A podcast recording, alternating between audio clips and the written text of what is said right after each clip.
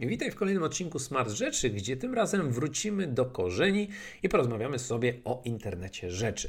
Raz jeszcze, czy powinniśmy się tych technologii bać, czy wręcz przeciwnie, powinniśmy być entuzjastami, bo internet rzeczy jest dla nas jak najbardziej pożyteczny jak najbardziej nam pomaga.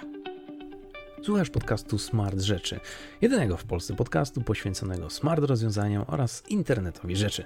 Ja nazywam się Marcin Sikorski i zapraszam Cię do wysłuchania kolejnego odcinka. Ach, ten internet rzeczy. Bez niego nie byłoby tak wielu udogodnień, które bierzemy za standard. Bez niego też nie byłoby i tego podcastu, jak i mnie, bo to on zachęcił mnie do tego, aby tak naprawdę zainteresować się technologią i tak naprawdę brnąć w to, po to, aby teraz mieć szersze spektrum technologicznej wiedzy z takich obszarów jak właśnie internet rzeczy, jak choćby blockchain, jak choćby sieci 5G, czy jak ostatnimi czasy sztuczna inteligencja. Te klocki ze sobą się łączą, a nie byłoby tego właśnie gdyby nie internet rzeczy. Dlatego, jak mówiłem, warto jest na moment choćby wrócić do korzeni i dać pewien hołd tej technologii, dlatego że ona już nie jest aż tak futurystyczna. Wielu z nas bierze ją za standard i wielu nawet nie zauważa, że korzysta z urządzeń smart. No ale czym jest sam internet rzeczy? Internet rzeczy to technologia, która pozwala różnym urządzeniom na łączenie się ze sobą i wymianę danych po to, aby wspólnie działać w inteligentny sposób. Pracuje ona w myśl zasady 4Z. Złącz, zbierz, zanalizuj, zmień. Pomyśl na przykład o swoim domu.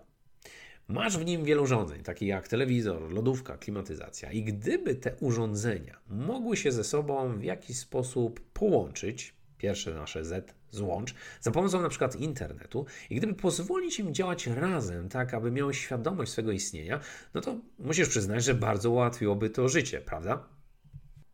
Gdyby przykładowo Twoja lodówka była na tyle inteligentna, że wyciągasz z niej jakieś produkty typu jajka, e, jakiś jogurt, etc. I gdyby ona była skomunikowana na przykład z piekarnikiem i mogłaby przeanalizować te rzeczy, które wyciągnąłeś i stwierdzić, hmm, jest duża szansa, że z tego przykładowo zostanie upieczone ciasto, to mogłaby wysłać informację do piekarnika po to, aby on się przygotował właśnie do nagrzania albo po to, aby odpowiedni programator był przygotowany już na Twoje pieczenie.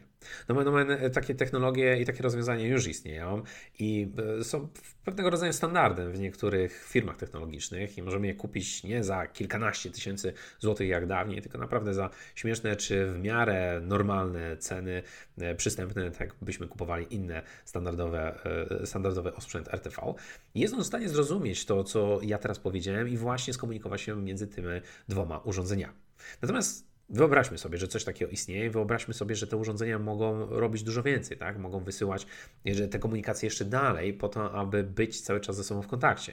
Powiedzmy, że wsadziłeś do piekarnika swoje ciasto, idziesz oglądać film na Netflixie, no i telewizor jest komunikowany z Twoim piekarnikiem, i kiedy piekarnik skończy już swój program, ten swój programator, to wyśle notyfikację, tak? Dostajesz SMS-y na, albo WhatsAppa, wiadomość na swoim telefonie i wysyła Ci taki mały pop-up, który pojawia się na telewizorze. Hej, możesz możesz już wyjść e, na przykład do kuchni i wyciągnąć swoje danie, bo jest gotowe. No, bajera.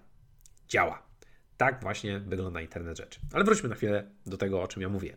Czyli nasz internet rzeczy pozwala właśnie na taką współpracę. Dzięki temu, że urządzenia są ze sobą połączone, to zbierają one cały czas dane, stąd drugie Z, zbierz dotyczące m.in. zużycia, np. energii oraz wody, albo dotyczące tego, co się generalnie dzieje wokół nich, zbierają cały czas informacje, dzięki czemu ty lepiej monitorujesz, co się dzieje wokół ciebie i ty lepiej rozumiesz otaczającą cię rzeczywistość.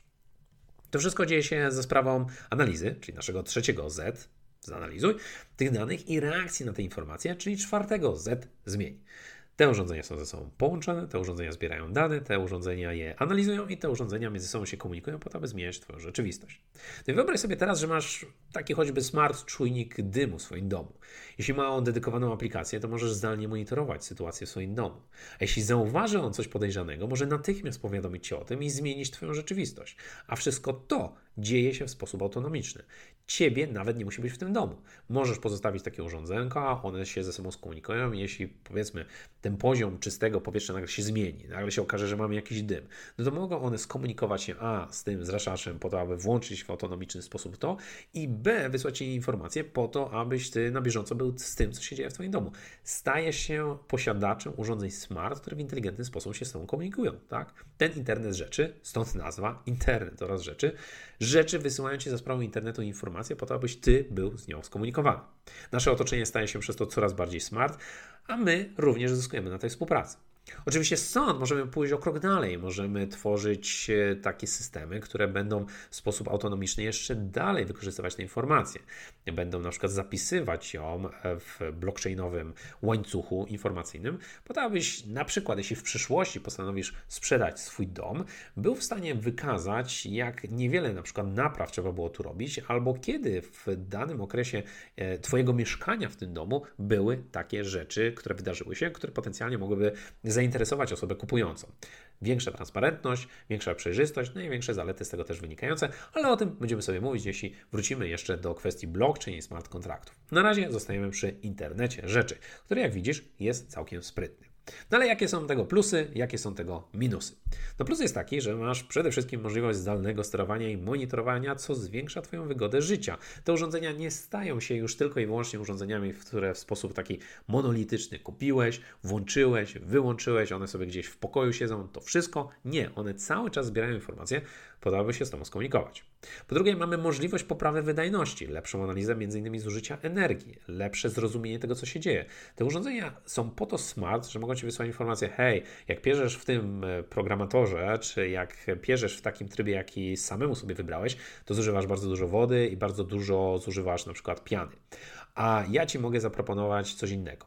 Widziałem smart pralki, które działają w taki sposób, że wsadzasz do środka konkretne e, produkty i albo czujnik je wykrywa, ok, to jest jakaś bawełna, sweter, coś w tym desenie, albo samemu możesz wyklikać na swoim telefonie, po czym blokują ci się pewne programatory po to, abyś nie użył ich, nie zepsuł sobie e, tych produktów, które wsadziłeś, za to aktywują się inne, po to, abyś ty, jak się nie znasz, jak typowy chłop się nie zna zazwyczaj na, na praniu, był w stanie wybrać to, co jest najważniejsze, a co więcej, te programatory w sposób inteligentny mogą tak działać, aby potem ci powiedzieć, hej, dzięki temu, że wybrałeś taki programator, zużyłeś o powiedzmy 20 30% mniej wody, czy mniej na przykład płynu niż użyłbyś w normalnej pralce w normalny sposób.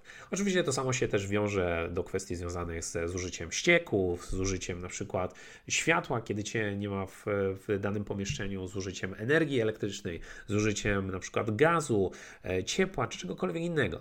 Generalnie, jakie sobie dane nie wymyślisz, czy to fizyczne, czy to chemiczne, urządzenia smart są w stanie zbierać i są w stanie z nimi reagować.